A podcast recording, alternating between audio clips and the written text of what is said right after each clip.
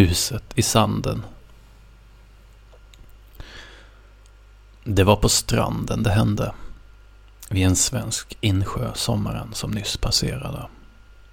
En tysk man gick ner i vattnet samtidigt som en skara om fyra personer gick upp efter att ha badat färdigt. Den tyske mannen stannade till ett ögonblick för att höra vilket språk de som gick upp ur vattnet talade. Han lyckades inte med en gång på grund av skvalpet från vattnet. Så istället försökte han avgöra i vilken relation de fyra stod till varandra. Mannen i familjen var kortväxt med ett kompakt utseende och hade kraftigt svart skägg och lika kraftigt svart hår. Han höll en ung kvinna i handen som såg ut att vara mycket yngre än honom. Mest troligt en flickvän. Det fanns en till kvinna i sällskapet.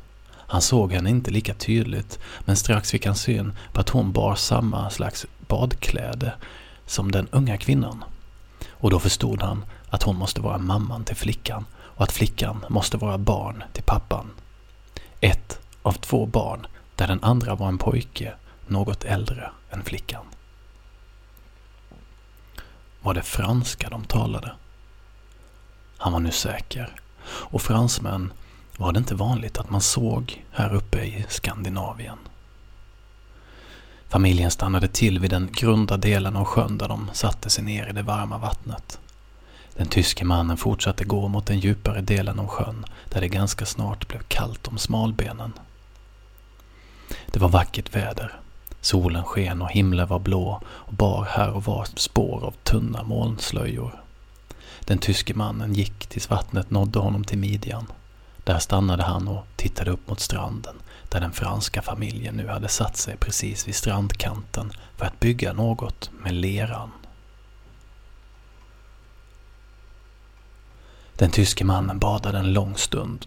Han simmade fram och tillbaka i det svarta vattnet samtidigt som solen glittrade bland de små vågorna. Han försökte dra sig till minnes den franska som han hade lärt sig i skolan. För han ville prata med fransmännen om vad de gjorde här uppe i det sköna, idylliska Skandinavien. Men något samtal blev det inte. Den tyske mannen gick upp från vattnet, nyfiket iakttagande den franska familjen som tydligen byggde något slags mur i leran. En vall som innefattade en ansamling vatten av ungefär samma storlek som ett badkar. Den tyske mannen tyckte det var vackert att se hur hela familjen, inte bara barnen, lekte i sanden. Ja, ju mer han iakttog familjen såg han att pappan var den mest aktiva av alla. Det var han som pekade på olika platser i muren som behövde förstärkas. Det var han som skuttade fram och tillbaka från den ena sidan av muren till den andra.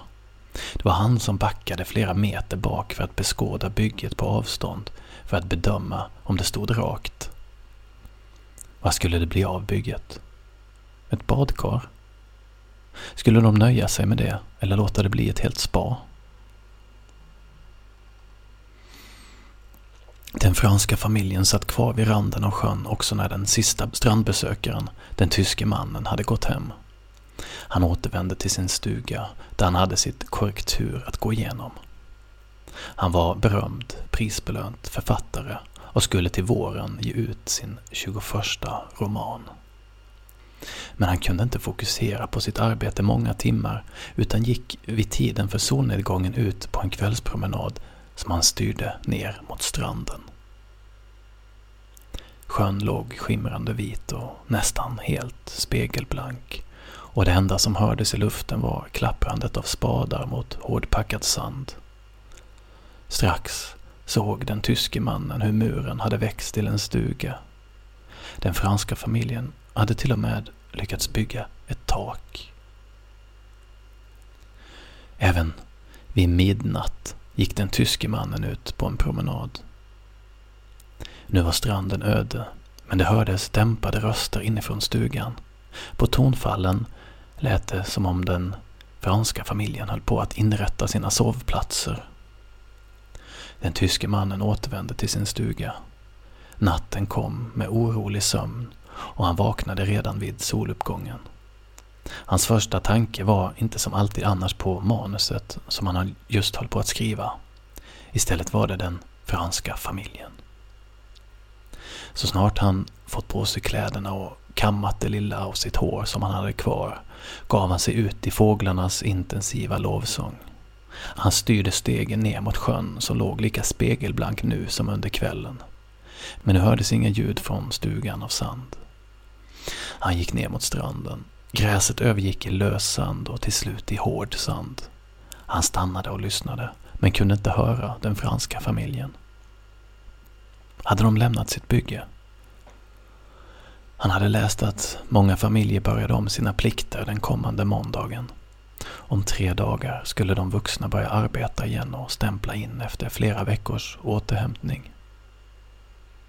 Den tyske mannen, som annars var en försynt man, drog försiktigt undan den stora filt som den franska familjen hängt framför ingången till stugan. Morgonljuset föll in på golvet, men där inne fanns ingen familj. Endast ett hål i sanden, stort som ett mindre badkar. Och lyssnade man mycket noga så kunde man höra fordrande, hetsiga röster under marken. Som om de höll på att gräva sig djupare ner i en källare. Den tyske mannen försökte urskilja vad de sa, men det gick inte. Först när det blev tyst kunde han höra orden klart. Den här byggnaden kommer rasa samman så snart regnet kommer, sa dottern. Det får bära eller brista. Nu har vi byggt vad vi har byggt, sa pappan. Jag tror inte ens vi kommer upp om vi skulle vilja, sa mamman. Tänk om det rasar ner över oss, då begravs vi här, sa flickan. Nu har vi byggt vad vi har byggt. Det får bära eller brista, sa pappan. Det är så trångt, sa sonen. Vi har inget val längre. Vi måste slutföra det här nu, sa pappan. Eller vill du tillbaka till dina kamrater i skolan på måndag? Nej, sa sonen. Nej, sa även dottern. Den tyske mannen lämnade platsen, men han kunde inte sluta tänka på den franska familjen. Han återvände till sin stuga där han la sig ner på sängen. När han vaknade var det mycket hett i stugan. Ganska snart hördes åska och ytterligare en stund senare kom det ett häftigt regn.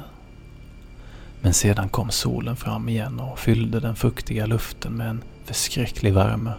Den tyske mannen öppnade fönstret. Han gick till stranden och såg nu hur stugan hade fallit samman. Det fanns inte längre något där, mer än en blöt sandhög som knappt urskilde sig från resten av sanden på stranden. Det hördes glada rop och tjut i luften. Motorbåtarna for fram längre ut på sjön. Späda små barn lekte med spadar och hinkar vid vattenbrynet.